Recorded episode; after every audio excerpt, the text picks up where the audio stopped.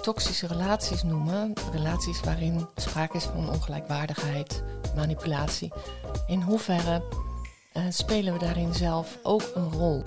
Zelfliefde ontwikkelen, dat uh, is voor jezelf heel prettig, maar het is voor de volgende generatie ook ongelooflijk belangrijk. Dus verantwoordelijkheid nemen voor je eigen leven. Ondanks um, het donker wat je tegenkomt op je pad.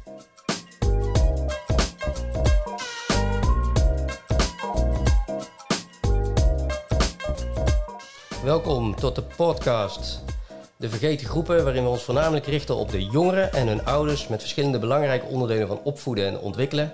Parenting. Dit relateren we dan aan de maatschappij, hoe ze zich heeft ontwikkeld en hoe die zich zal kunnen ontwikkelen en wat wij eraan kunnen doen.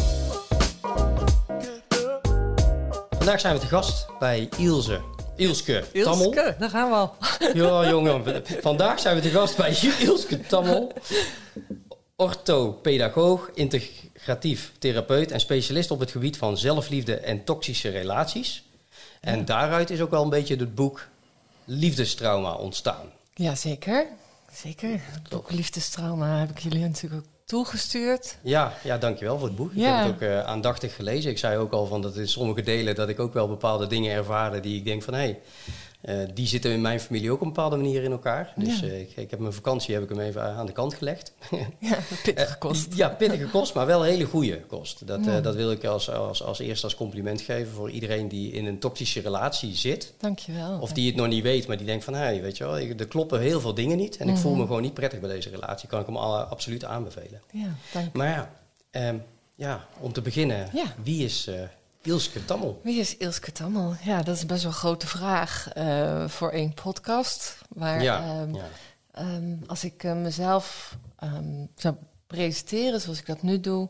Nou ja, ik, ik ben een vrouw, ik ben een moeder van vier kinderen, partner van uh, Edo. en ik heb ja, lang geleden gekozen voor de studie orthopedagogiek. en zo is mijn carrière, en carrière in de breedste zin van het woord. Dus het gaat niet alleen over werktechnisch, maar ook gewoon uh, hoe mijn leven is gelopen. Um, ja, dat begon daar toen ik uit huis ging en orthopedagogiek ging studeren in Leiden. Um, en van daaruit heb ik zoveel um, ja, fases gekend in mijn leven. En nu inmiddels ben ik op een punt dat ik uh, zowel mijn uh, levenswijsheid, zo voel ik dat zelf dan, ja. als uh, mijn professionele ontwikkeling samen kan brengen in mijn praktijk als integratief therapeut. Um, integratief wil zoveel zeggen als um, ja, client-based werken. echt een nieuw paradigma binnen de geestelijke gezondheidszorg. De cliënt weet het, kan het en doet het. En van die, vanuit die optiek uh, uh, ontwikkel ik ook trainingen. Um, ook voor groepen en zo? Ook voor groepen, ja. ja. Tot nu toe ja. voornamelijk voor pedagogisch medewerkers ehm, en voor ouders. Maar ja, ik heb meer ambities. Dus ik ben me aan het bijscholen op het gebied van het schrijven van mijn eigen trainingen. Oké. Okay. Ja, ik zie wel een, voel wel een missie. En, ja. en de missie is specifiek? De missie is specifiek, uh, ja, die, het, ligt op meerdere fronten. Eén uh, daarvan, en die, voert, uh, die vloeit ook voort uit het schrijven van mijn boek. Um, als ik me daar nu dan eventjes tot beperk, is het om toch bepaalde taboes in onze maatschappij wat um, onder de aandacht te brengen. Omdat ik Ja. denk dat ja, veel leed onderbelicht blijft. Um, en dat het ja, doordat we met z'n allen wat uh, ontkennen op het gebied van um, ja, destructiviteit, bepaalde dynamieken, zowel in um, relaties als in de samenleving, dat we uh, daardoor onze ogen blijven sluiten voor um, dingen die soms echt niet kloppen, of die niet uh, eerlijk zijn, of die ja, toxisch zijn. En, en, en dingen verwoest. Mensenlevens ja. kan verwoesten bepaalde dynamieken. En die, uh, ja, ik denk dat er meer bekendheid uh, mag komen voor termen als narcistisch misbruik, of coercive control, financieel misbruik, eigenlijk alle vormen van misbruik. Als mensen daar slachtoffer van worden in de, een familiesfeer of in een relatie. Of in een affaire. Ja, nou absoluut. Toeslagenaffaire. Nou. ja, nee, maar, ik, ja, ik bedoel nee. maar even een punt. Ja, noem maar even een ja. voorbeeld. Um, ja. hè, als er misbruik wordt gemaakt van mensen, ook uh, ja, in, in mijn boek richt ik me dan specifiek op, uh, op liefdesrelaties. dan... ehm, ja, op de een of andere manier ligt daar een taboe op. Eh, zelfs het woord narcisme kun je tegenwoordig bijna niet meer gebruiken. Of je wordt zelf al als weggezet als iemand eh, waar dan ook wel wat mee moet zijn. Want anders noem je niet vanuit gemakzucht een, eh, een ex-partner bijvoorbeeld narcistisch. Ja. Ehm, en ik begrijp het. Het is wel een modewoord geworden. Dus ik snap het ook wel. Maar het, is, eh, het heeft tegelijkertijd wel echt aandacht nodig. Omdat juist erkennen van het feit dat er zoiets bestaat als narcisme en misbruik is heel belangrijk om eh, ja. de slachtoffers daarvan ook eh, een stukje op weg te helpen. Met wat Met- begrip En wat tools. En wat tools. Ja. Ja. Dus daar, daar heb ik dat boek natuurlijk ook voor geschreven. Ja. Ja. Want als je kijkt hè, naar je praktijk, eh, wie Ja. begeleid je zoal en wat, wat voor mensen komen het vaakst, eh, Ja. het meest binnen? Ja, ja ik eh, begeleid in principe iedereen die ehm, hulp kan gebruiken eh, bij verandering. En dat is natuurlijk heel breed. En veranderen is een van de moeilijkste dingen die we, die we doen als mens, of niet doen uiteindelijk. Dat gebeurt natuurlijk ook. Ja. Dus daar eh, kun je soms wel wat hulp bij gebruiken. Ehm, en mijn cliënten, ja, dat varieert van ehm, tieners tot, tot vrouwen eh, tegen de negentig. En, en daar zit wel een rode lijn in. En die rode lijn gaat toch uiteindelijk wel over omgaan met angsten. Omgaan met ehm, ja, dingen die je hebt meegemaakt in je leven. Trauma, dat is ook zo'n modewoord, maar wel degelijk eh, bestaand natuurlijk.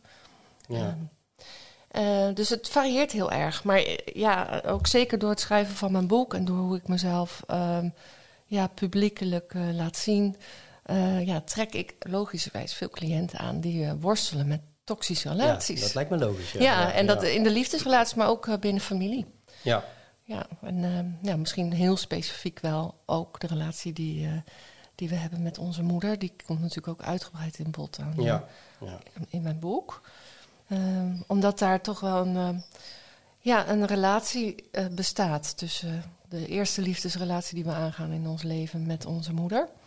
En eh, de relaties die we aangaan eh, in ons volwassen leven. ja. Ja. Dankjewel. Ja. Ja, ik vind het eh, heel interessant. Ehm, ja, ik wil eerst even naar het boek toe. En eh, ik ben ook al geïnteresseerd in wat voor kinderen er dan eh, bij jou komen. Ja. Alleen het lijkt me eerst om even over het boek te hebben. Ja, Ehm, is goed. want ja, de- ik heb het gelezen, zoals ik al zeg. Mhm. Ehm, ja, Claire, Ja. interessante persoonlijkheid.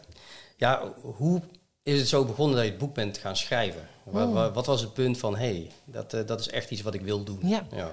Nou, ehm, eigenlijk had ik al heel jong eh, het idee dat ik een boek wilde schrijven. En als eh, klein jong meisje zat ik al eh, met een typemachine uit die tijd, dus dat is een tijdje terug, ehm, verhaaltjes te schrijven. Dus het was ook wel iets wat sowieso al bij mij paste, schrijven. Ehm, en ik schreef altijd al veel korte stukjes. Niet echt per se blogs, maar wel ja, verhaaltjes. Zowel over mijn persoonlijk leven als over mijn vak, of een combinatie daarvan. En eigenlijk liep ik al jaren rond met dat idee. Maar ik dacht altijd, nou ja, wanneer ga ik een boek schrijven? En dan zag ik mezelf zitten in een klein strandhuisje ergens in Portugal. En dat ik dan een maand lang zou afzonderen en dat dan dat boek daar ineens was. Ja, in de werkelijkheid was het iets minder romantisch. Want het schrijven van een boek vergt eh, ja, heel veel voorbereidingstijd ook. Eh, dingen samenbrengen en kiezen voor de vorm en wat wel, wat niet. En het was een, eh, ja, een heel pittig eh, proces. Maar ik denk ongeveer twee jaar geleden dacht ik, en, eh, en nu ga ik ervoor. Nu ga ik alles wat ik ooit heb gedacht, gevoeld, opgeschreven, ga ik proberen samen te brengen in een kloppend verhaal. Ja, even over gedaan. En ehm, ik typ ook met één vinger. Dus dat duurde nog een beetje langer dan Met twee bedoeling. vingers. Ja, nee, één. Echt gewoon met één. Mijn rechtervinger. Ja, nou ja, niet dat ik hier applaus voor hoef, maar ik vind dat, zo, dat is wel een grappige anekdote. Ja, met één vinger en een kapotte laptop waarvan de spatie het niet deed op een gegeven moment. Dus ja, Ja. en een deadline die te strak was opgesteld eigenlijk voor de drukker. Maar ehm, al met al met een paar spelfouten her en der, die halen we eruit de volgende druk. Dan eh, ja, ben ik uiteindelijk, ehm, was ik heel blij met het resultaat. En niet vanuit, oh kijk nou eens wat ik heb gedaan, ik heb een boek geschreven. Ja, ik heb ook een stukje van mijn eh, iets wat je heel graag wil doen, dat, dat, dat levert ook kracht op. En een vorm van trots. Ehm, Omdat ik ehm, heb gedaan wat ik wilde en me niet heb laten tegenhouden door eh, allerlei angsten van wat vinden mensen daar wel niet van. Dat je dat allemaal opschrijft. Ja, want hier zet je jezelf uh, op een bepaalde manier wel bloot als persoon. Ja, ja. ja als, als uh, professional uh, sowieso hè, kwetsbaar in de zin van... nou, er zijn meer mensen die hier verstand van hebben... en ik beweer er dus nu gewoon ook keihard verstand van te hebben... door een boek te schrijven. Ik zet mezelf als expert um, in de markt.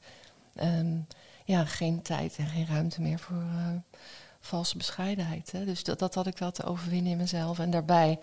Uh, Claire, uh, zoals ik ook al beschrijf in het voorwoord, ja. staat voor vele vrouwen. En ieders, um, en mannen, by the way. Je kunt het ook op mannen plakken. Uh, dat is toch wel weer anders, maar er zitten wel heel veel gelijkenissen. Ja, ja vele vrouwen. Maar ja, er zitten ook stukken van mij in, uiteraard. Ja. Ja. Nee, ja, ik heb het hele boek gelezen, zoals ik al benoemde. Um, ja, ik vind vooral wat ik het mooie ervan vind, is eigenlijk het verhaal van Claire ehm, met een narcistische man. Mm -hmm. Een bepaalde soort jeugd, uh, waar we het dadelijk even over gaan hebben. Ja. Ja. Uh, wat dan ook wel een beetje inleidt, dat je juist die kant op kan gaan. Mm -hmm. uh, vervolgens kom je ook nog natuurlijk bij een bepaalde familie van een narcist. Mm -hmm. Die komt ook weer uit een gezin. Ja, en die is ook niet natuurlijk die, die ja, beste man, zou ik hem nu zeggen. Maar eigenlijk vind ik het geen beste man natuurlijk. Ja, als je de, hoofdpersona man. ja, ja, het hoofdpersonage in mijn boek komt niet per se... Uh, ja, heel liefdevol en uh, nee, uitgebalanceerd over. Als nee. ik mag zeggen. Ja. Nee. En als je dat samenvat, dan, uh, dan, dan zie je alle mogelijkheden. Maar wat ik het mooie ervan vond, was dat het eigenlijk gewoon gekoppeld werd mm -hmm. aan verschillende terminologie uit de psychologie. Mhm. Waardoor je ook als lezer, als je niet weet van, joh, wat, wat is er eigenlijk aan de hand? Mhm. en ja, en daar gaan we dadelijk even verder op in. Maar dan, dan merk je ook van, oké, okay, die terminologie hoort daarbij. Ja. En die is ook bekend bij psychologen. Ja. Waardoor je ook uh, wel een beetje vertrouwen krijgt van, joh, het is niet vreemd wat ik voel. Nee. Um, maar als ik naar het boek kijk, hè, hoe is het? Uh, je bent op een gegeven moment, uh, daar hebben we het net over gehad, van, joh, je hebt het op een gegeven moment heb je gedacht van, joh, ik ga een boek schrijven. Ja, ik ga nou, dan ben je al een held eigenlijk. Want ik denk, als je kijkt hoeveel mensen dat denken ja. en eigenlijk toch de, niet de discipline hebben. Ja, dat, dat, dat uiteindelijk zie je maken we allemaal de reis van de held op onze eigen manier natuurlijk. En ja. dat boek schrijven hoorde bij mijn reis. Hè? Het is, uh, ik, heb al, ik kan andere dingen niet. heel veel andere ja, heel dingen, veel niet. dingen niet. Nee. Dit is gelukt, dit is gelukt. Nou, dat is toch fantastisch? Ja, dank je. Ja. Uh, uh, hoe zou je zelf het boek uh, samenvatten in de omschrijving? Mm. En Ja. dat ook een beetje vanuit de, de hoofdpersoon Claire, die Mhm. ook weer gelieerd is aan je, je eigen persoon. Zeker ook aan Ja. mijn eigen persoon. Ja. Hoe zou je dat beschrijven? Ehm, ja, hoe, oh, je bedoelt de link met, met de jeugd? Nou, Of- gewoon als je, als je nu kijkt naar het boek zelf, als Ja. je daar een samenvatting zou geven Ja. en dan geleerd aan jezelf. Ja. En dan daarna naar de rol van de kinderen. Zeg maar. Dat is wel belangrijk. Nou ja, de samenvatting van, een boek, van het boek is eigenlijk... Daar zou ik eerst graag willen vertellen... dat de manier waarop ik het heb geschreven. Dus namelijk, ehm, het bestaat uit vier delen. En in die vier delen... ehm, die zijn ook weer opgesplitst eigenlijk. En het begint steeds met een verhaal vanuit Claire. Hoe Claire dingen heeft meegemaakt of live meemaakt. Ehm, zodat je als lezer, dat is mijn eh, intentie geweest, meegenomen wordt in dat gevoel van wat, hoe ervaart zij dat nou? Wat gebeurt er nou precies? En vervolgens, ehm, in elk deel komt er ook een, een stukje waarin Claire bij de therapeut plaatsneemt in de stoel, omdat zij eh, probeert om om te gaan met de dingen die zij meemaakt in haar leven. En ehm, in de kern dus eigenlijk meer zelfliefde wil ontwikkelen om haar grenzen en haar behoeftes te kunnen leven zoals past bij haarzelf. In plaats van een pion te zijn ehm, van anderen, waardoor je je eigen leven niet leidt. Maar eigenlijk een verlengstuk bent van iemands ja, controlebehoeften of machtbehoeften en eh, manipulatietechnieken.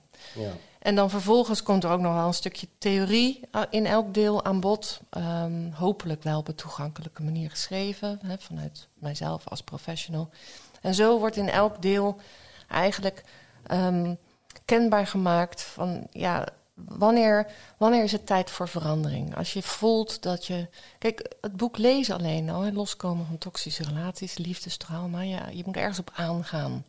Je moet ergens denken, dit gaat misschien wel over mij of over iemand in mijn naaste omgeving.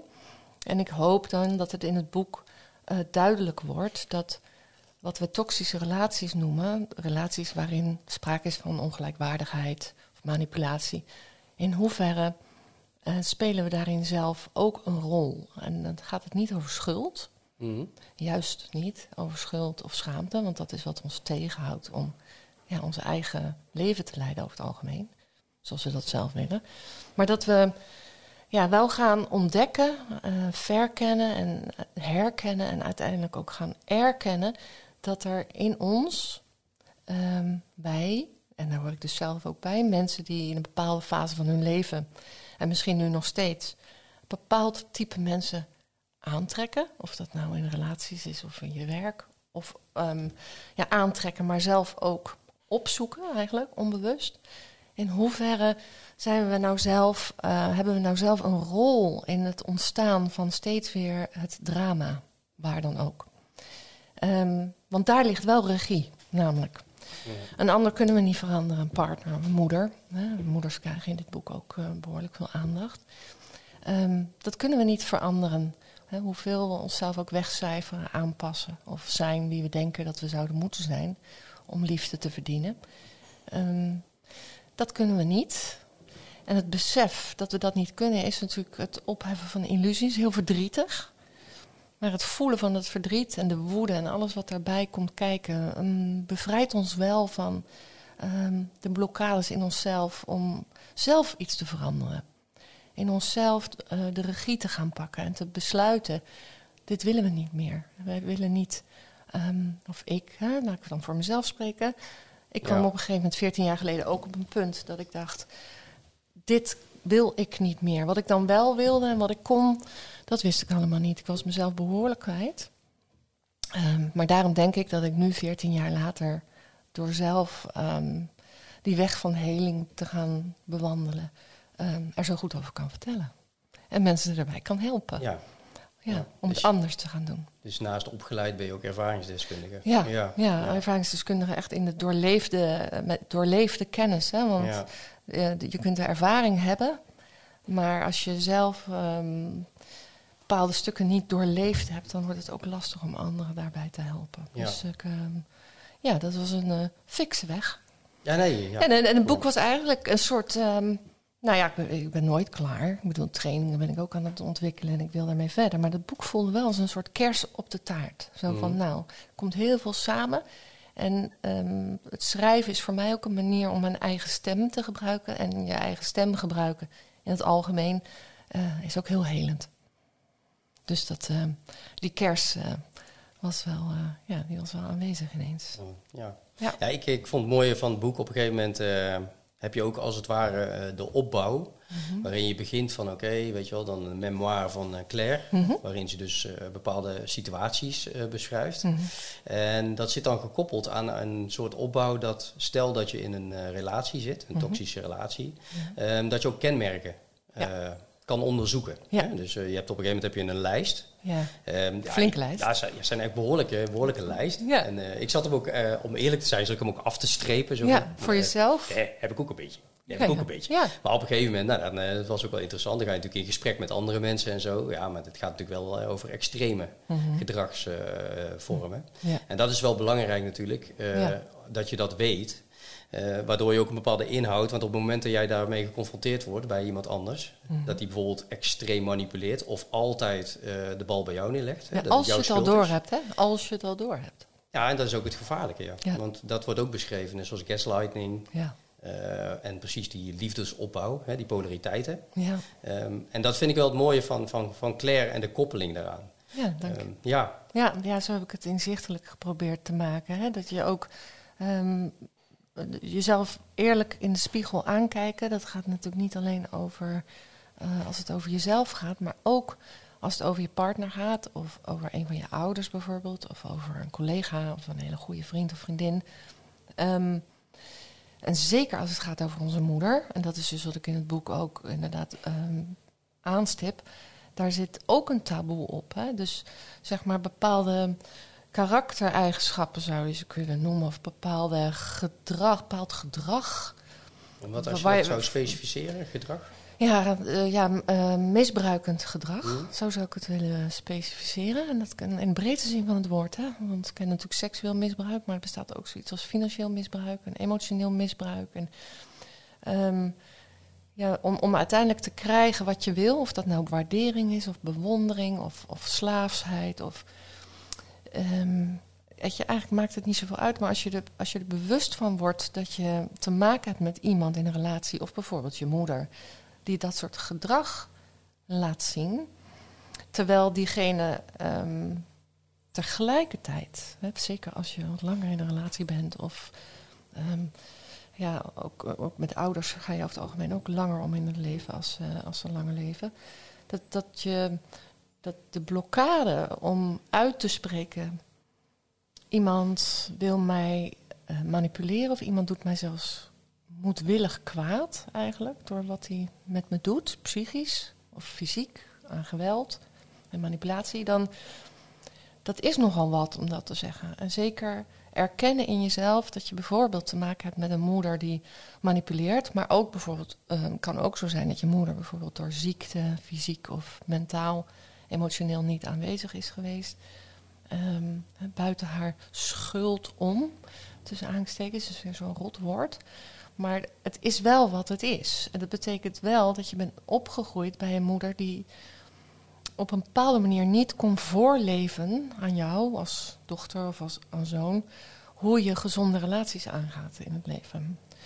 Um, want ja, dan kom, je ook weer, kom ik ook weer bij mijn, um, ja, mijn vak van origine, orthopedagoog zijn. Mm. Dat gaat natuurlijk heel specifiek over opvoeding. Um, en ortho staat voor recht maken wat krom is. Denk maar aan een orthodontist. En ik weet nog wel dat toen ik daar in de collegebanken zat in Leiden, mm. dat ik nou, wij gaan eens eventjes recht maken wat krom is. En gedurende mijn leven kwam ik er natuurlijk wel achter. Niet alles, is, niet alles wat krom is, is recht te maken of recht te praten.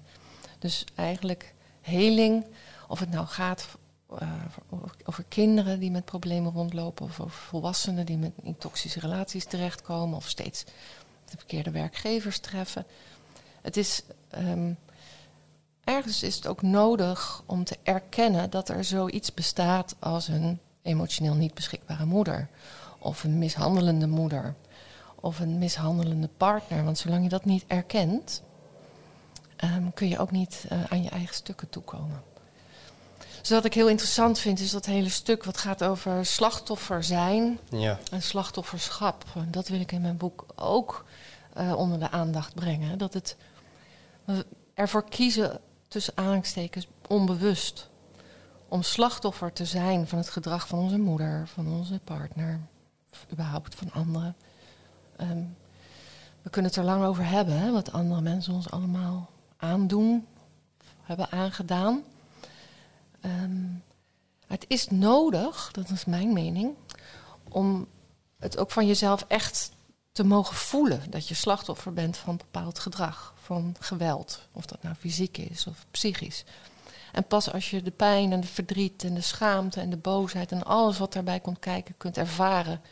Um, bij die erkenning van ja, dit is, dit is wat, zo ben ik opgegroeid. Ja, dat is heel verdrietig. Uh, of um, ja, mijn partner, ik heb jarenlang gevangen gezeten in een uh, misbruikrelatie. En dat is heel verdrietig. En boosheid is ook niet meer dan terecht dat je dat voelt. En als je dat kunt toelaten en kunt erkennen, dan kun je vervolgens ook ervoor kiezen om niet langer die slachtofferrol te willen dragen. Maar dat neemt niet weg dat je wel slachtoffer bent. En dat is, vind ik, een heel belangrijk punt, wat ik ook in mijn boek duidelijk heb willen maken. En dat is um, ja, eigenlijk zeker als het over kinderen gaat die opgroeien in een narcistisch gezin of in een narcistische familie, is dat voor kinderen is dat denk ik een uh, onmogelijke taak om uh, vanuit een uh, niet blokkerend loyaliteitsconflict hardop te kunnen uitspreken wat je niet krijgt van je ouders of um, wat er plaatsvindt en waar je beschadigd door raakt of waar je broertje of zusje beschadigd door raakt. Ja. Dat je in narcistische gezinnen ook vaak ziet dat kinderen ja, heel verschillend worden behandeld. Hè. Dus dan lijkt de een er goed bij te zitten, maar die wordt op haar of zijn beurt natuurlijk ook gewoon beschadigd. Door de rol die hij of zij krijgt. Het is wel lastig natuurlijk. Hè? Stel dat je een broertje hebt die uh, goed wordt behandeld en het Ja. zusje niet. Ja, Dan zal het broertje natuurlijk altijd zijn eh, positie in het eh, gezin Juist. proberen te, te, te handhaven. ja. En Maar dat zal op langere le- latere leeftijd ook wel doorspelen. Dat, zie je vaak. Hè? Dat zie ik vaak ook met cliënten bij mij in de praktijk. Hè? Die op, op latere leeftijd, veel latere leeftijd, vaak pas hulp gaan zoeken. Als ze, hè? En, en op het punt komen dat ze hardop durven te zeggen dat ze niet de onvoorwaardelijke liefde, steun of het begrip, troost, nou noem maar op, hebben gekregen van hun ouders, van hun moeder, die ze graag hadden gewild. Dat zie je vaak, dat zelfs ver laat, laat nog in de volwassenheid en misschien wel voor altijd er heel verschillende belevingen zijn binnen een gezin. En daarom is het zo belangrijk om die erkenning in jezelf ehm, ja, te gaan ontwikkelen. Omdat zolang we afhankelijk blijven van de erkenning van anderen, van nou inderdaad, wat is het zwaar en heftig wat jij hebt meegemaakt, of wat is het afschuwelijk wat je me nu vertelt. Dat is natuurlijk heel fijn, maar die erkenning kunnen we niet van iedereen krijgen. Eh, dus die moet je ook niet nodig eh, hebben om, eh, om door te gaan. Dus het is. Maar het is wel lastig. Op het moment dat je altijd die erkenning hebt gezocht en die Ja. heb je nooit gekregen. mhm, De stap om vervolgens te erkennen. ja. Naar jezelf. Hè? Dat je slachtoffer bent van bepaald gedrag van anderen. Eh, zelfs eh, mishandeling, of verwaarlozing, of nou, give it a name. ja. Ehm, ja, dat is nogal wat om dat aan jezelf te erkennen, want daar kan ook heel veel gevoel bij kijken. Hm? Dus ehm, dat klinkt even heel oneerbiedig en zo bedoel ik het niet. Maar dat zie ik ook bij de cliënten bij mij in de praktijk, maar ook bij mezelf in het verleden.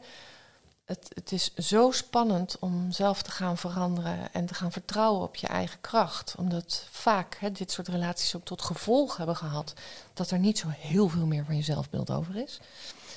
Dus of, of ze op een bepaalde manier opgevoed zijn, eh, voorgeleefd krijgen dat liefde voorwaardelijk is. En, ehm, of dat er bepaalde dynamieken normaal zijn geworden in je, in je leven, terwijl ze helemaal niet normaal zijn.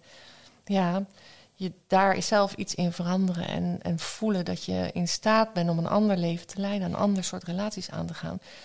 Dat is best lastig als je leeft in schuld en schaamte. Want dat is vaak wat er gebeurt als je lang eh, psychisch eh, onderdrukt wordt en gemanipuleerd wordt. Ja, dan eh, kom je niet meer zo bij je eigen kracht. Nee, het is ook wel moeilijk om het te erkennen, wat ik net benoemde. Dat eh, zeg, eh, op je website stond ook een... eh, niemand kan van jou een slachtoffer maken. Dat kun je alleen zelf. Ja. En daaronder staat dan lijden is universeel, maar het slachtofferschap is optioneel. Ja, ja, En dat vond ik wel een hele mooie zin. Want in principe, eh, alleen om dat al uit te spreken... ja. erken je eigenlijk dat je er iets aan kan doen. ja precies. Ja. En op dat punt moet je, eh, nou moet, moet helemaal niks. Maar op dat punt is het natuurlijk heel fijn als je daar kan komen. Of als ik mijn cliënten kan helpen in hun eigen tempo, op hun eigen manier. Om ook op dat punt te komen van oké, ik ben eh, aan zet. Ja. In mezelf. Hè? En, en, en daar komen we. En, en, en eh, het is ook rouw. Hè? Het is ook rouw. ehm, rouwen om wat je hebt meegemaakt. En het is ook eh, ja, het besef waar je in terecht bent gekomen. Het is heel verdrietig wat iemand je aan kan doen. Dat zie je ook gewoon eh, ja, in de hele samenleving, in de hele wereld. Het is heel verdrietig wat iemand je aan kan doen. Ehm, maar ja, wil je daar de rest van je leven onder gebukt gaan? Of ga je van je pijn je kracht maken? En Ja. dat is, ehm, ja, het is geen makkelijke weg, maar daar wil ik mensen wel toe inspireren. Ja, Nou, dat eh, lukt zeker in het boek. En eh, ja, wat voor signalen? Hè? Want kijk, we, we hebben het hier over ehm, ja, volwassenen, die, k- die zijn natuurlijk verder in hun proces. Mhm. Ehm, voor kinderen lijkt het mij, Ja. is het eigenlijk heel erg lastig. Die zijn compleet afhankelijk op Ja. alle mogelijke manieren van hun ouders. precies. Ehm, Hoe komen zij bij jou? Ja, eh, nou, ik heb verschillende. eh, dat, dat uit zich allemaal op verschillende manieren. Want uiteindelijk ehm, is het vaak is het meestal niet zo dat als, als de, de wat jongere cliënten die ik heb, dat die bij mij komen met een hulpvraag. Hoe ga ik om met mijn narcistische vader of moeder? Of hoe ga ik om met een dysfunctioneel familiesysteem überhaupt? Ehm, nee, het kind is eigenlijk altijd een signaalkind. Hè? Dus het kind ontwikkelt dwangneuroses of ehm, een kind ontwikkelt angsten, een heel laag zelfbeeld, weinig zelfvertrouwen, anorexia. ehm, automutilatie. Dat zijn wel echt de ernstige gevallen waar ik het nu over heb. En met geval bedoel ik ook niet um, minderwaardig natuurlijk, maar het zijn wel de, de hulpvragen die uh, ja, wel veel nodig hebben en eigenlijk vaak. Um, het is heel lastig om met alleen een kind onder de 18 jaar te werken als je niet ook met de ouders werkt. En dat um, ja, juist bij ouders die zelf ook wel wat ontwikkelpunten hebben, is het lastig samenwerken, omdat ze vaak denken: ja, mijn kind heeft een probleem. Nou, ze gaat naar deze hulpverlener en, en dan uh, wordt het misschien wel opgelost. Terwijl het zit vaak veel dieper natuurlijk. Voor kinderen is het lastiger signaleren. Ja, zeker voor kinderen ook lastig. Maar ook voor de ouder die uh, zeg maar beseft dat er toch wel iets fout is in het mm -hmm, gezin. Maar ja. het nog, niet, uh, nog geen actie onderneemt. Ja. Want de andere ouder, de narcist zou ik maar even noemen... Mm -hmm. die zal waarschijnlijk niet willen dat er actie ondernomen wordt. Nee, of juist wel hè. Want uh, stuur mijn kind maar naar een psycholoog... want er is iets mis met mijn kind. Ja, ja. logisch. Ja, daar zit ook wel. Mij, precies. Ja. Er is iets mis met mijn kind. En een kind uh, kan ook echt voelen: uh, er is iets mis met mij. En mijn ouders willen dat ik dat ga aanpakken. Terwijl, maar goed, bij deze ik wil nog wel even duidelijk maken dat niet elke minderjarige die bij mij in de praktijk komt te maken heeft met narcistische ouders. Nee, hè? Ik heb een breder spectrum aan hulpvragen. Maar voor kinderen is het heel lastig. Um, lastig signaleren. En, en, en daar kom je natuurlijk bij de grote vraag, die ik ook met mijn eigen kinderen, bij mijn eigen kinderen heb gesteld, is in hoeverre, waar ligt die grens van dingen benoemen? Ja. Dit is niet oké, of dit is niet normaal, of dit is schadelijk. En wat is zwart spreken, bijvoorbeeld? Dus op het moment dat je zelf um, ervoor hebt gekozen om, uh, om, om uit een toxische relatie te stappen en je hebt samen kinderen, dan heeft dat in het, over het algemeen um, gevolgen. Voor, dat je blijft toch verbonden, omdat je samen kinderen hebt gekregen. En um, je wil het graag goed doen en je wil ook niet zwart spreken. En je wil dat ze, um, kinderen een goede band opbouwen met hun vader of moeder. Uh, ook al leef je gescheiden. En je gunt kinderen hun eigen inzichten, hun eigen ervaringen. En tegelijkertijd uh, gebeuren er ook dingen die je niet, niet kunt benoemen. Omdat, ja, wat ik net al zei, als je vraagt van hoe zie ik opvoeden, ja, dat zie ik echt als voorleven. Hè, voorleven. Dus uh, practice what you preach. Um, um, ja, zwart praten over andere mensen is niet mooi, dus dat doen we ook niet. Maar soms moeten dingen die niet mooi zijn ook benoemd worden om kinderen een, hè, ook bij mij in de praktijk, een referentiekader te geven wat gezonder is dan waar ze zelf mee opgroeien. Want dat is wat je kent. En dat wat je kent is normaal. En als je niet leert wat valt onder um, destructieve patronen en wat liefde is, dan um, is de kans heel groot dat je dat dus de rest van je. Het gaat alleen nog maar over inzicht. Hè, dan hebben we het nog niet eens over echt voor anderen. Maar um, dan is de kans heel groot dat je dat soort dynamieken de rest van je leven op je pad blijft uh, tegenkomen. Omdat het zo normaal voelt. Het is niet veilig, maar wel heel vertrouwd. Ja, want als je het aangeeft, hè, want in principe ben je zelf ook. Uh regelmatig over je grens gegaan. Nou ja, wie doet nou dat ja, niet? Ja. Ja, ja. wel, ja, nou, wie doet dat niet, inderdaad. Maar in maar die zin is het wel ik, extreem. ik voelde niet eens mijn eigen grenzen hè, in het verleden.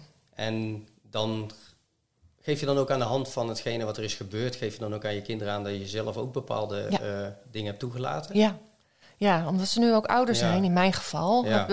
Dan heb je ook ander soort gesprekken weer. Ja. Maar wat ik... Um, dus natuurlijk heb ik het ook wel eens over mezelf... en de eigen stappen die ik heb moeten maken. Maar dat hebben ze natuurlijk van dichtbij ook allemaal meegemaakt. Hè? Ja. Dus ze hebben ook uh, hun moeder zien transformeren in een vrouw... die fulltime voor de kinderen zorgde... omdat er ook geen andere keus was, by the way. Um, maar voor mij was het ergens ook wel een soort van veilige haven... Ik wilde heel graag mijn kinderen alles geven wat ik thuis zelf niet had ervaren aan veiligheid en liefde. Dus daar zat een enorme ja, missie op.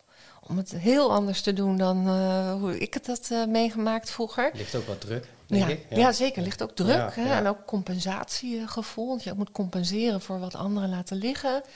of kapot maken. Zover ging dat ook, of gaat dat zelfs nog. Maar Dan moet je het boek lezen. ja, precies, dan moet je het boek Daar lezen. gaan we het niet allemaal over hebben. Ja, dus Ja. ehm, ja, inderdaad. En eh, wat ze ook hebben gezien is dat ik eh, vanuit mijn veilige haven van het moederschap, ehm, waar ik veel ehm, zorg en toewijding mij op heb ge- ja, nee, opgelegd heb eh, al die jaren, dat ik daarnaast ook mijn professionele kant weer ben gaan oppakken en gaan verder ontwikkelen en mijn eigen dromen ben gaan vormgeven en nog steeds heel veel dromen heb ook. En mijn eigen richting ben gaan bepalen, ondanks tegenwerking, ondanks ehm, dingen die er gebeurden in mijn leven die dat ehm, ja, vanuit slachtofferschap onmogelijk maakten, feitelijk. En toch heb ik vanuit ehm, ja, mijn eigen kracht en, eh, natuurlijk eh, hulpbronnen in mezelf, maar ook buiten mezelf, ook mij gaan omringen met mensen die wel goed voor me waren, ehm, toch stappen gaan zetten die ehm, ja, gaan over ehm, mijn eigen regie vormen en mijn eigen leven vormgeven. Ondanks dat er mensen zijn die er natuurlijk wat van vinden. Dat ik een boek heb geschreven of dat ik ben weggegaan bij mijn partner of dat ik in mijn geval ook zelfs afstand heb genomen van mijn moeder. Sinds eh, acht jaar heb ik daar geen contact meer mee. Daarvoor was het ook al weinig. En dat zijn vrij heftige beslissingen. En ook mensen hebben daar een mening over. Gisteren nog had ik een gesprek met iemand op een terras. Eh, die kwam even bij mij zitten. ehm, om om eh, een praatje te maken. Ik kende die vrouw niet. Maar toen kwamen ja, heel een bijzonder gesprek Duidelijk eigenlijk. praatje. Ja, een heel duidelijk praatje. Maar uiteindelijk eh, ging het dus hierover. En toen vertelde ik ook dat ik afstand had genomen van mijn eh, ouders. Allebei, by the way, maar ook van mijn moeder. En haar vraag was ook meteen, ja, krijg je daar later ooit geen spijt van? Hè, dus mensen zijn toch altijd heel erg bang dat je daar spijt van kunt krijgen. Hoe heb je dat beantwoord? Ja, ik heb eh, haar verteld dat ik voel eh, vanaf het moment dat ik die knoop doorhakte, dat ik daar geen spijt van krijg. En daarbij ehm, dat ik altijd nog van gedachten kan veranderen, zolang er nog leven, uiteraard. Maar dat ik er geen spijt van krijg, omdat ik weet eh, wat het mij heeft gebracht. Het losmaken, ook van deze toxische relatie met mijn moeder. Even los van het feit dat ik mijn moeder niet wil neerzetten als een slecht persoon. Maar wel als een vrouw met wie een volwassen, gelijkwaardige ehm, relatie niet mogelijk bleek. Terwijl ik daar wel heel lang op ben blijven hopen tegen beter weten in. ja. En geprobeerd, Dat ja. lees je ook duidelijk in het boek. Ja, Ik vind precies. vooral het schrijnende, vond ik op een gegeven moment, eh, het feit dat eh, Claire Mhm, danste mhm. Als voor, meisje. ja, thuis met de vriendinnen van de moeder. En, de moeder en de vriendinnen waren weg. En toen kreeg ze het verwijt van, wat heb jij nou allemaal gedaan? En dat, dat, Ja. was zo, dat was heel schrijnend. En dan, ja, zo heb je al 20, 30 voorbeelden die Ja. heel duidelijk zijn wat, Ja. wat, wat, wat het met een kind doet, maar ook met een volwassene. Want Frank deed hetzelfde. Nou, precies. Hè? Want dat herhaalde zich dus later in de relatie van Claire. Eh, en wat haar moeder op dat moment letterlijk zei... en dat was ook iets wat ze later en haar, eh, verderop in haar jeugd... ook nog wel va- vaker te horen heeft gekregen. Wie denk jij eigenlijk wel niet dat je bent? Ja. En die programmering, hè, die zorgde tot... eh, dit- en dit is dan een, een eh, anekdote uit mijn eigen leven... die ik in dit boek beschreven heb. Die, die programmering van wie, hè, je, niet weten wat er van je verwacht wordt op welk moment, welke stukken van jezelf te laten zien, wanneer, eh, wanneer hoe hangt de vlag erbij in je, tijdens je jeugd en, en dan de opmerking wie denk je eigenlijk wel niet dat je bent. Dat is tot op de dag van vandaag leidt dat tot een, ehm, een moment, zelfs bij het starten van deze ehm, eh, podcast, wie, van wie denk jij eigenlijk wel niet dat je bent? Dat jij hier over je boek een beetje gaat zitten vertellen en gaat doen alsof jij hier wat vanaf weet. Zit zo diep, hè? Ja, maar Ja. Ik, ben, ik ben er wel heel bewust. Hè? Ik ben me er heel bewust van. En dat, eh, dat vind ik zo mooi. Die aha-momenten eh, die ik ook zie bij cliënten bij mij in de praktijk.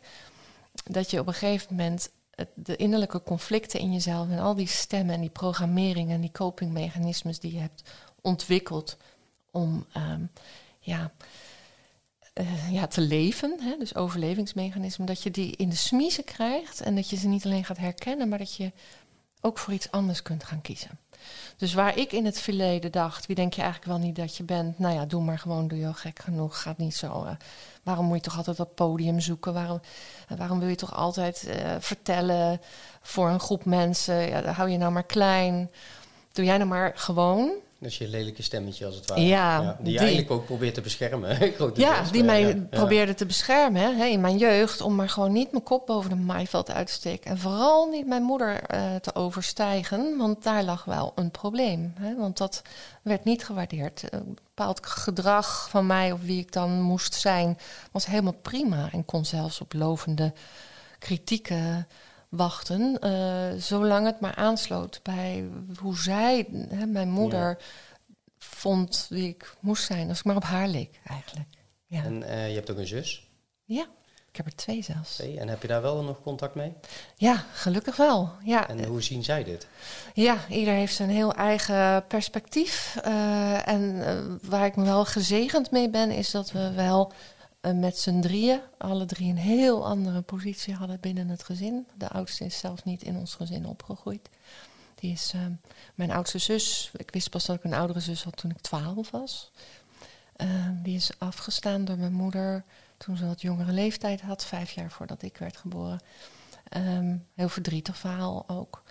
Um, helaas heeft mijn moeder het altijd nodig gehad om van deze dochter, dus mijn oudere zus, een ja, een lelijke persoon te maken die haar leven vervolgens verwoest heeft. Ja, heel heftig, heel heftig. Uh, maar het goede nieuws is, is dat, uh, ja, dat ik inmiddels jaren geleden uh, het contact met haar echt ben gaan oppakken. En inmiddels gewoon echt zussen zijn. En ik had natuurlijk een jonger zusje. Ik dacht zelf dat ik de oudste zus was thuis. Um, en die had een heel andere rol binnen het gezin. Die was meer het lievelingetje van mijn moeder, als je het zo mm. moet zeggen. Maar um, ja, wij hebben alle drie um, heel duidelijk een visie op hoe we zijn opgegroeid. En wij vinden elkaar wel in ja, de overeenkomst dat we alle drie kunnen voelen en kunnen zien van het ligt niet aan ons. Ja. Ja, ik, uh, ik wilde ook nog vragen van hoe heel je jezelf, maar dat, uh, dat heb jij min of meer al een beetje beantwoord. Hè? En, uh, ja. en dan vind ik ook dat je gewoon het boek moet lezen eigenlijk. Ja. Want, ja, ik, ik, was echt wel onder indruk, want je, je ziet bij jezelf ook wel bepaalde dingen. En ik ben zelfs even gestopt met lezen, want ja, ik, ik irriteerde me mateloos. Ja, ja, ja en waar, irrite, waar irriteerde jij je nou zo aan? nou ja, het, het stopt ervan. Dus ik vraag net niet voor niks zoiets van, joh, toen je zei dat je van je moeder afscheid hebt genomen. Mhm, Mm -hmm. um, en bepaalde um, ja, gedragingen in vergelijking met de gedragingen die uh, naar mijn zus werden gedaan, mm -hmm. zeg maar, dat die heel erg verschillend waren. Ja. Dus, um, en dat is van de, het mooie van deze podcast. Ik ben in deze podcast gewoon begonnen vanuit uh, het perspectief van de vergeten groepen, ja. samen met Ricky. Wij willen iets doen om de polariteit uh, en, en, de segregatie in de wereld tegen te gaan. Super mooi. En waar begin je dan? Bij ja. de kinderen. Ja. Want als de kinderen begrijpen van wat er nu allemaal gebeurt en hoe bepaalde situaties in elkaar zitten. Mm -hmm, mm -hmm. En de ouders van de kinderen natuurlijk ook bij zichzelf gaan helen van hé, hey, maar wat jij eigenlijk hebt gedaan. Ja. Um, dan kunnen ze ook de wereld positief beïnvloeden. En, um, maar door al die podcasts kom je heel veel het woord narcisme tegen. Ja. Uh, ja. Waardoor ook sommige mensen zeggen, ja, het is wel heel makkelijk om narcisme te benoemen. Absoluut, absoluut. En dan wordt er ook een situatie beschreven waar ik denk van ja, maar dat is ook, dat is ook anders. Ja, klopt ook. Hè? Manipuleren doet iedereen wel een beetje. Daarom, ja. uiteindelijk, ja. uh, ik manipuleer ook. Hè? Dus manipuleren is, is, is niet altijd negatief. Um, zolang je er tenminste wel open over kunt zijn. Hè, van wat het is wat je wil bereiken. Uh, ook nu in de, bij het ontwikkelen van mijn trainingen ben ik feitelijk ook aan het manipuleren op het leervermogen van de groep die ik tegenover mij krijg. Uh, hoe, want ik wil wel dat ze zoveel mogelijk oppikken ook. Dus uh, daar zijn allerlei methodes voor. Uh, waardoor je mensen ook echt kunt leren leren. Um, dus dat is, ja, maar hoe doe je dat bij kinderen? En ik denk dat eigenlijk zo, en zo wil ik er zelf ook naar kijken. Ik denk niet dat het de bedoeling is dat kinderen, volwassenen gaan leren hoe het echt zit. Hoewel kinderen natuurlijk de mooiste spiegels zijn die je maar kunt krijgen. Um, maar dat wij als ouders de taak hebben om stukken in onszelf op te lossen die, die gewoon aandacht nodig hebben. Omdat hoe meer geheeld we zijn, waarvan dan ook, hè? Mm -hmm. um, hoe, hoe, meer wij onze uh, gevoelens in, in de gedachten en gedrag in de smiezen hebben, uh, onze triggers en de context, en hoe bewuster we worden, hoe bewuster we ook kunnen opvoeden. Um, dus ja, het begint zeker bij de kinderen. Um, met andere woorden, ja, ik zou het eigenlijk iedereen voordat die kinderen zou krijgen, als, als, als je dat gegund is in het leven, uh, willen aanraden om met bepaalde dingen aan de slag te gaan. zodat we al voordat we kinderen op deze aarde zetten, al uh, meer zicht hebben op onszelf. Waardoor we bepaalde stukken ook niet hoeven door te geven. Want dat is natuurlijk voor mij ook wel zichtbaar, uh, voelbaar, dat ik. Ik ben weggegaan bij de vader van mijn kinderen. Ik heb de relatie met mijn ouders, en dat is in mijn geval dan vrij extreem, um, stopgezet. Om mijn eigen heling te kunnen bewerkstelligen. En die afstand was echt, echt noodzakelijk. Dat hoeft niet bij iedereen in die mate zo te zijn, maar in mijn geval was dat wel zo. Um, maar ondertussen um, was ik de eerste zoveel jaar van hun leven natuurlijk ook die afhankelijke, angstige vrouw die dacht dat ze het echt zelf niet kon. Dus ik heb hoe dan ook wel weer een stukje transgenerationeel trauma meegegeven ja. aan mijn kinderen. Um, Doet iedereen trouwens maar. Het iedereen hoor. Ik bedoel, we zijn een grote club die dat doen met elkaar. dus wat dat betreft. Uh, maar daar de schaamte en de schuld, in het bewustzijn uh, en, ook, en ook weten van, nou ja, ik heb. Ik, ik, als je me vraagt van hoe, en dat vroeg je me niet, maar dat vraag ik mezelf dan nu. Nou, dat was um, de vraag geweest. Ik weet de vraag nog niet, maar nee, door. ja, waarom, hè, hoe heb ik de kracht gevonden en hoe heb ik het voor elkaar gekregen om 14 jaar geleden weg te gaan bij de vader van mijn kinderen met vier kleine kinderen, waarvan één met een verstandelijke beperking ook nog even zonder haar daarin uh, tekort te doen. Maar dat kost wel extra veel aan uh, aandacht en tijd en zorg. Um, ik had uh, geen eigen geld, geen werk, geen ouders waar ik op terug kon vallen. En, en ik was volledig bij mijzelf vandaan. Zelf, mijzelf. Ik wist het verdwenen zelf. Dat is ook een stichting die zich hiermee bezighoudt trouwens.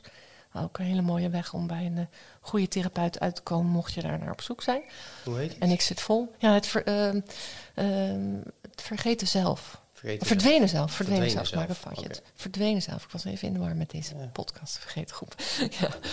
Spraak, het verdwenen zelf. Maar dat, dat is ook echt... In, ja. daar hebben ze een hele goede titel gevonden. Want je verdwijnt zelf. Dus en hoe heb ik dat voor elkaar gekregen? Nou...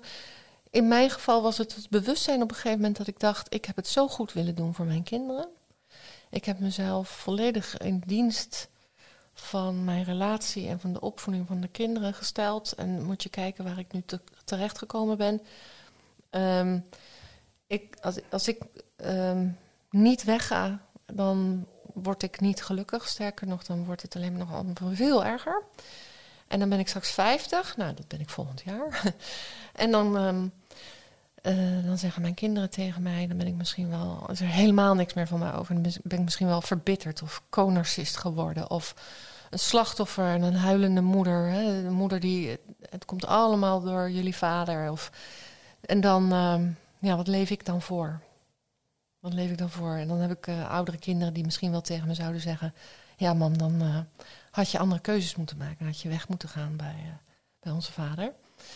Um, en dan uh, was ik misschien wel in diezelfde neerwaartse spiraal gekomen als dat ik met mijn moeder terecht kwam, waar ik geen, kwam, waar ik geen contact meer mee wilde hebben. Dat was mijn doemscenario. Dus het waren heel eerlijk gezegd zelfs de kinderen waarvoor ik dacht, ik moet weg hier voor de kinderen. En al wat nou. je dan ook kracht geeft, maakt niet uit. Nee, precies, dat gaf mij de kracht. Absoluut. Ik voelde als verantwoordelijkheid naar hen. Terwijl ja, je gunt een kind ja. nooit gescheiden ouders, maar toch. En, en, en later, al vrij snel daarna, kwam ik erachter: oh ja, dit doe ik ook voor mezelf.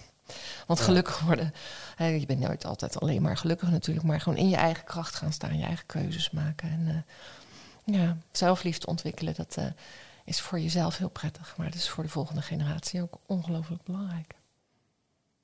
Ja. Een onderdeel van deze podcast, um, dat hebben we natuurlijk, wat ik vertelde, waardoor het is begonnen, hè, de vergeten groepen, mm -hmm. um, is altijd uh, een beetje over de maatschappij. En dat is eigenlijk ook wel waarom ik dit onderwerp altijd ook wel heel interessant vind. Hè? Ja. Um, ja, een van de vragen die had ik, uh, had ik al doorgegeven. Joh, uh, zijn er op dit moment meer narcisten zichtbaar? Mm.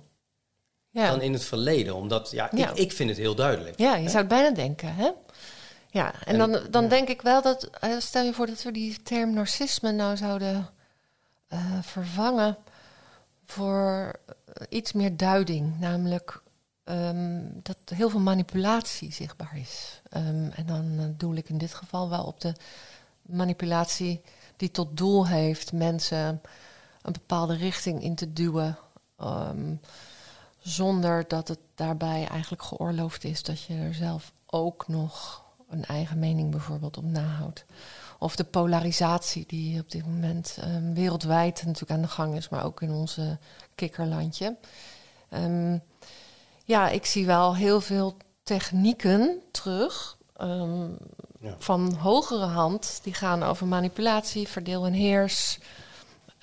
leugens, veel leugens. Ja, die kun je niet ontkennen. Hè? Ik bedoel, je kunt op uh, framing, hè? mensen worden weggezet, buitengesloten, geframed. Dus ik herken wel structureel, zichtbaar eh, heel veel dynamieken die in relaties, bijvoorbeeld met een narcist, heel duidelijk zijn. Die herken ik ook terug in de samenleving. En de grote vraag is natuurlijk, ja, is dat niet eigenlijk altijd al aan de gang geweest? Eh, was het er altijd niet al? Ik denk het wel. Maar het lijkt wel tot een soort eruptie te komen. Nou, het, het wordt nu, eh, je ziet het nu veel vaker. Ja, nou ja, je, je zegt je ziet het veel vaker. Dat is ook nog maar de vraag. Niet iedereen. Ik, ik zie het Ja. veel vaker. Ja, want eh, dat Ja. is ook waar mijn boek natuurlijk ook over gaat. Ook op microniveau eh, wordt er ook veel weggekeken. Hè, rondom gezinnen en families en mensen die zich ehm, ja, in een mishandelende relatie bevinden. Of in een, een destructieve, toxische relatie, whatever, name it. Ehm, dat veel mensen in de naaste omgeving daar ook van wegkijken, omdat mensen vaak afhankelijk zijn ook. Ehm, of niet durven. Of denken, nou, waar de twee vechten, hebben er twee schuld. Ja, of altijd uit willen vaak, gaan. ja. Ja, ja, ja. Ja. En altijd uit willen gaan van het goede van de mens. En kijk, die, die beweging zie ik momenteel ook in de samenleving. En dat noem ik dan een beetje een spirituele bypass. Mensen die denken, alles is liefde. En we gaan het allemaal zelf wel oplossen. En we, we kijken, Ja. we, hebben, we volgen niks meer in de samenleving. Want wij eh, beginnen onze eigen parallele samenleving. Kan ook heel mooi zijn en ook een bijdrage leveren aan het geheel. Maar ehm, ja, de kern eh, waar ik in mijn boek ook uiteindelijk op uitkom is... zolang we het donker blijven ontkennen... zolang we wegkijken van manipulatie en leugens en alles blijven slikken... en ehm, ja, of niet, niet bereid zijn ook om maar het gedachte-experiment toe te laten... dat er zoiets bestaat als mensen die niet per se het beste met je voor hebben. En zoveel dat het er zijn. Ja. Ja, zo- schrik ik van. eigenlijk. nou zeker, Ja. zeker op een bepaald... eh, Kranten en Ja. alles die allemaal... Ja, je bent gewoon... eh, Je, je, Het, het is ja, een netwerk haakt in elkaar van eh, afhankelijkheid. En ehm, Ja. ehm, ja, ja de, de, terwijl er tegelijkertijd ook heel veel mooie bewegingen gaande zijn. Hè, dat moet je ook niet onderschatten. Maar ehm, ja, dat is wel verontrustend. Maar dat eh, zolang we het narcisme blijven noemen, dat we misschien wel, ja, ik heb het in het boek natuurlijk ook gewoon narcisme genoemd, maar dat we wel misschien ehm, beter concreet kunnen praten over bepaald gedrag wat er zichtbaar is, dan dat we er een etiket elke keer weer opplakken. Want daarmee stoten we mensen ook wel van ons af in het gesprek. Van, oh ja, nou ja, er is weer zo iemand die heeft het over narcisme... of die heeft het over totalitarisme, of die heeft het over... Maar zullen we gewoon eens kijken naar het gedrag. Hè? ja. En dan, eh ja, hands-on, zie je gewoon ehm, in gezinnen, in families, maar dus ook op eh, macroniveau, dat bepaald gedrag, ja, willen we dat met z'n allen? Willen we zo met elkaar omgaan? Willen we dat ons land bestuurd wordt door mensen die liegen? Is dat dan, eh, Dwang, liegen. Ja. is dat dan wat we willen? En dan kun je wel gaan zeggen, net zoals op microniveau, ja, maar hij doet ook heel veel goede dingen. Of nou, ga er zelf maar eens aan staan. Of iemand heeft ook heel veel stress. Of zo bedoelt hij het toch niet. Of mensen maken fouten. Nou ja, die lijst van goed praten, die is oneindig lang. Maar concreet is dat de vraag. hè, zoals je de overheid hebt en de samenleving. Zo zie ik eigenlijk ook de kinderen en hun vader en hun ouders. Ehm, ook als kinderen dus ouder worden en het minder spannend wordt, hopelijk. Om hardop uit te spreken dat bepaalde dingen die ze hebben meegemaakt hebben in hun gezin, met hun moeder of hun vader of wie dan ook, dat die niet oké zijn. Dat je dus de kracht hebt om dat hardop uit te spreken. Dat lukt alleen maar als we ook gaan kijken, oké, en wat doe ik dan bijvoorbeeld, wat niet oké is? Of wat, zonder van jezelf een schuldig persoon te maken, maar wel dat op zoek gaan naar ons eigen aandeel. En dat geldt ook hier in de samenleving. Ja, ons eigen aandeel. Ehm, we kunnen blijven klagen. En we kunnen ons slachtoffer voelen als we worden buitengesloten of als we niet begrepen worden of om welke reden dan ook. Maar we kunnen ook bedenken van, ehm, oké, maar wat willen we wel? Ik wil een uh, inclusieve samenleving, zonder dat het mij van bovenop wordt opgelegd, by the way, vanuit een bepaalde ideologie. Maar ik, uh, ik wens een inclusieve samenleving. Ik ben altijd heel inclusief geweest. Uh, ik organiseer samen met mijn partner heel veel um, mooie dingen.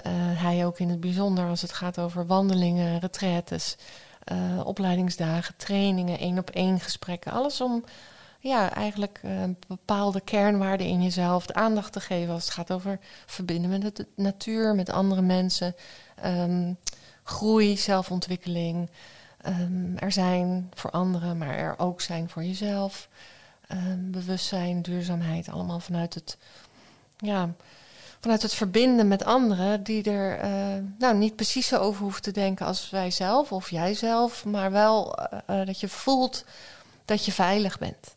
En met veilig bedoel ik, je mag gewoon helemaal jezelf zijn. Ook bij mij in de praktijk. En met alles erop en eraan. En daar zitten soms ook minder mooie kantjes aan. Ik ben ook geen heilige. dus om een ander narcistisch te noemen, dat betekent niet dat ik mezelf heilige noem. Want ja, dat wordt in het boek ergens ook ergens benoemd. Hè? Trekken van codependency, ja. bepaald gedrag wat gaat over jezelf wegcijferen en pleasen. Um, ja, um, het is ook allemaal niet uh, even liefdevol uh, en dus ook destructief op een bepaalde manier. Dus um, ja, altijd weer terug naar jezelf. Wat kunnen we zelf doen? In ons gezin, als ouder, als um, medeopvoeder, als je liefvader bent of liesvader. Of zo. Liefvader, ja. als het wil noemen. Ja, um, dus iedereen heeft zijn eigen rol en daarin verantwoordelijkheid nemen. Want ik denk dat dat uiteindelijk toch het uh, sleutelwoord is. Verantwoordelijkheid nemen voor je eigen leven. Ondanks um, het donker wat je tegenkomt op je pad. En dat betekent dat je ook naar het donker in jezelf mag gaan. En het is soms heel donker. Verdriet, woede, wrok. Joh, af en toe. Ik voel ook wrok. Uh, ja. en, mijn eigen therapeut van twaalf jaar geleden, die zei altijd van, nou, dat is helemaal prima. Zolang je de daad maar niet bij het woord voegt. Maar dat je dat soort gedachten hebt, is helemaal prima. Dus ook niet meer schamen voor stukjes in mezelf die niet alleen maar licht zijn, maar ook donker. En daarmee uh, kom je ook bij de erkenning in jezelf, maar ook de erkenning naar de buitenwereld. Er bestaat zoiets als donkerte. Kom op, het bestaat. Ja. Blijf niet alles goed praten. En ook niet in je eigen relatie. En ook niet naar je eigen familie. Je hoeft niet alles goed te blijven praten. Ja, dat zijn stappen. Die, doe je, die zet je niet in één keer. Maar daar, uh, daar kun je wel hulp bij zoeken of een uh, boek over lezen. Uh, liefdestrauma. Zoals liefdestrauma, ja. ja. Ik wil je bedanken voor het gesprek. Tof. Um, ja, je hebt de website natuurlijk. Ja. Ja, die is wel een beetje verfrissing nodig weer. Maar goed, ik ben maar één mens. Maar daar staat in grote lijnen wel op wat mijn specialisatie is. Ja, en liefdestrauma.nl voor ja. het boek. Daar kun je het boek vinden. Ja. En ook bij bol.com en andere plekken. En dat is ook hartstikke fijn dat dat kan. Maar uh, mocht iemand getriggerd uh, zijn door dit gesprek en het boek willen bestellen, doe dat dan alsjeblieft uh, via onze eigen website. Want dan houden we er ook nog iets aan over. Ja. Helemaal goeie, goed, goed ja. eindbericht. Dankjewel. Ja, ook nog ergens commercieel. jij ook bedankt. Heel, heel fijn en heel leuk dat jij hier helemaal naar Rotterdam kwam. En dat ik mijn verhaal mocht doen. En bedankt voor de, voor de fijne vragen, waardoor ik ja, ook hier regie ervaren over wat ik uh, allemaal wilde vertellen. Ging ja, best wel vanzelf. Nee, ik, uh, het ging hartstikke goed, vond ik. Ja, en, uh, dank je. En je mag ook heel trots op jezelf zijn, mag ik ook altijd zeggen. Ja, hartstikke lief. Ja, en ja. jij ook op jouzelf. Mooi wat jullie ook met jullie, met jullie podcast willen doen. Mooie We doen ons best. Missie, Nou, als jullie uh, ons willen volgen natuurlijk, hetzelfde als uh, het boek willen kopen, koop het dan op de website. Uh, wij zijn ook bezig met een, met een, met een goede website. die komt er ook hopelijk nog dit jaar wel aan. maar anders via Spotify, Deezer, Apple Podcast, alles kun je ons, kun je ons volgen. Um, en we posten regelmatig op LinkedIn wanneer er een nieuwe podcast uitkomt. Dus je kan ons ook via Instagram Facebook en, en vooral LinkedIn kun je ons volgen. Dankjewel en tot de volgende keer.